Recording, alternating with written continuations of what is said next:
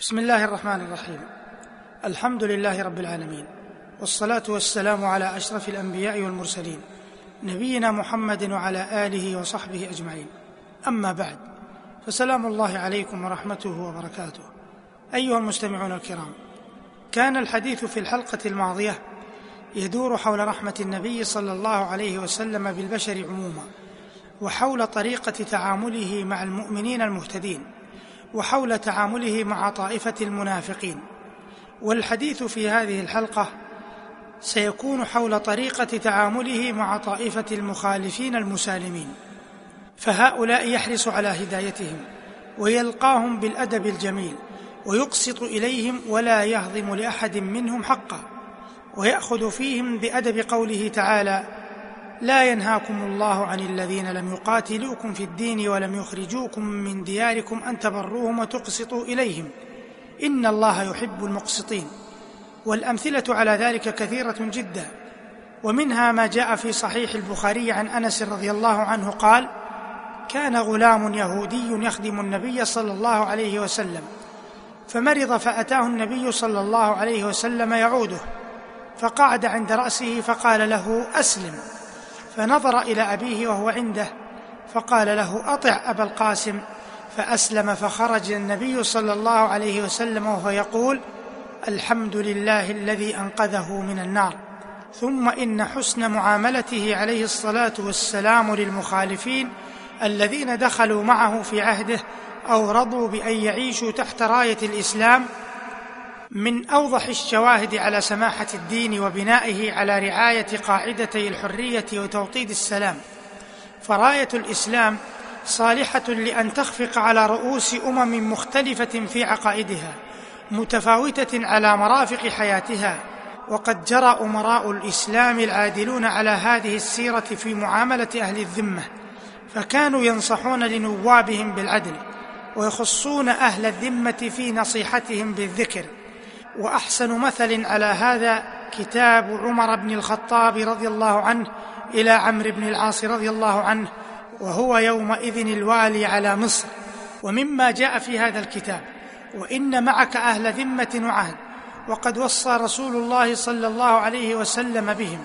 ومنه وقد قال صلى الله عليه وسلم من ظلم معاهدا أو كلفه فوق طاقته فأنا خصمه يوم القيامة.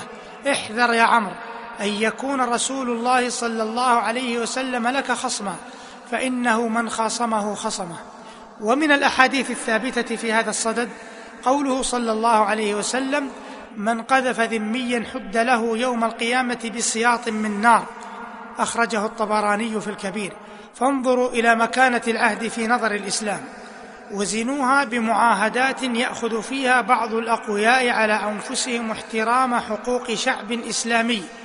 حتى إذا أمسكوا بناصيته لم يستحيوا أن يعبثوا بالأرواح وتجول أيديهم في الأموال ويعملوا جهدهم على أن يقلبوها إلى جحود بعد إيمان ويغضبون بعد هذا كله على من يسميهم أعداء الإنسانية وقابض روح الحرية.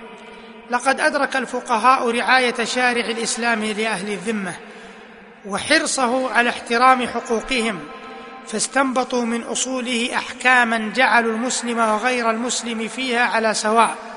ومن هذه الأحكام أنهم أجازوا للمسلم أن يوصي أو يقف شيئا من ماله لغير المسلمين من أهل الذمة. وتكون هذه الوصية أو الوقف أمرا نافذا. ولما قال صلى الله عليه وسلم كما في صحيح مسلم لا يبع بعضكم على بيع بعض ولا يخطب بعضكم على خطبة بعض قالوا البيع على بيع غير المسلم الداخل في ذمة الإسلام كالبيع على بيع المسلم والخطبة على خطبته كالخطبة على خطبة المسلم كلاهما حرام. وإذا ذكر الفقهاء آداب المعاشرة نبهوا على حقوق أهل الذمة وندبوا إلى الرفق بهم واحتمال الأذى في جوارهم وحفظ غيبتهم ودفع من يتعرض لأذيتهم. قال شهاب الدين القرافي رحمه الله في كتاب الفروق إن عقد الذمة يوجب حقوقا علينا لأنهم في جوارنا وفي خفارتنا وذمة الله تعالى وذمة رسوله صلى الله عليه وسلم ودين الإسلام. فمن اعتدى عليهم ولو بكلمة سوء أو غيبة في عرض أحدهم أو أي نوع من أنواع الأذية أو أعان على ذلك فقد ضيع ذمة الله تعالى وذمة رسوله صلى الله عليه وسلم وذمة دين الإسلام. وكذلك حكى ابن حزم رحمه الله في مراتب الإجماع أن من كان في الذمة وجاء أهل الحرب إلى بلادنا يقصدونه وجب علينا أن نخرج لقتالهم بالكراع والسلاح. ونموت دون ذلك صونا لمن هو في ذمة الله تعالى وذمة رسوله صلى الله عليه وسلم. فإن تسليمه دون ذلك إهمال لعقد الذمة. وهكذا نرى كيف تعامل النبي عليه الصلاة والسلام مع طائفة المخالفين المسالمين وكيف سار أتباعه من بعده على هذه الوصية العظيمة. وإلى هنا ينتهي وقت هذه الحلقة. والسلام عليكم ورحمة الله وبركاته.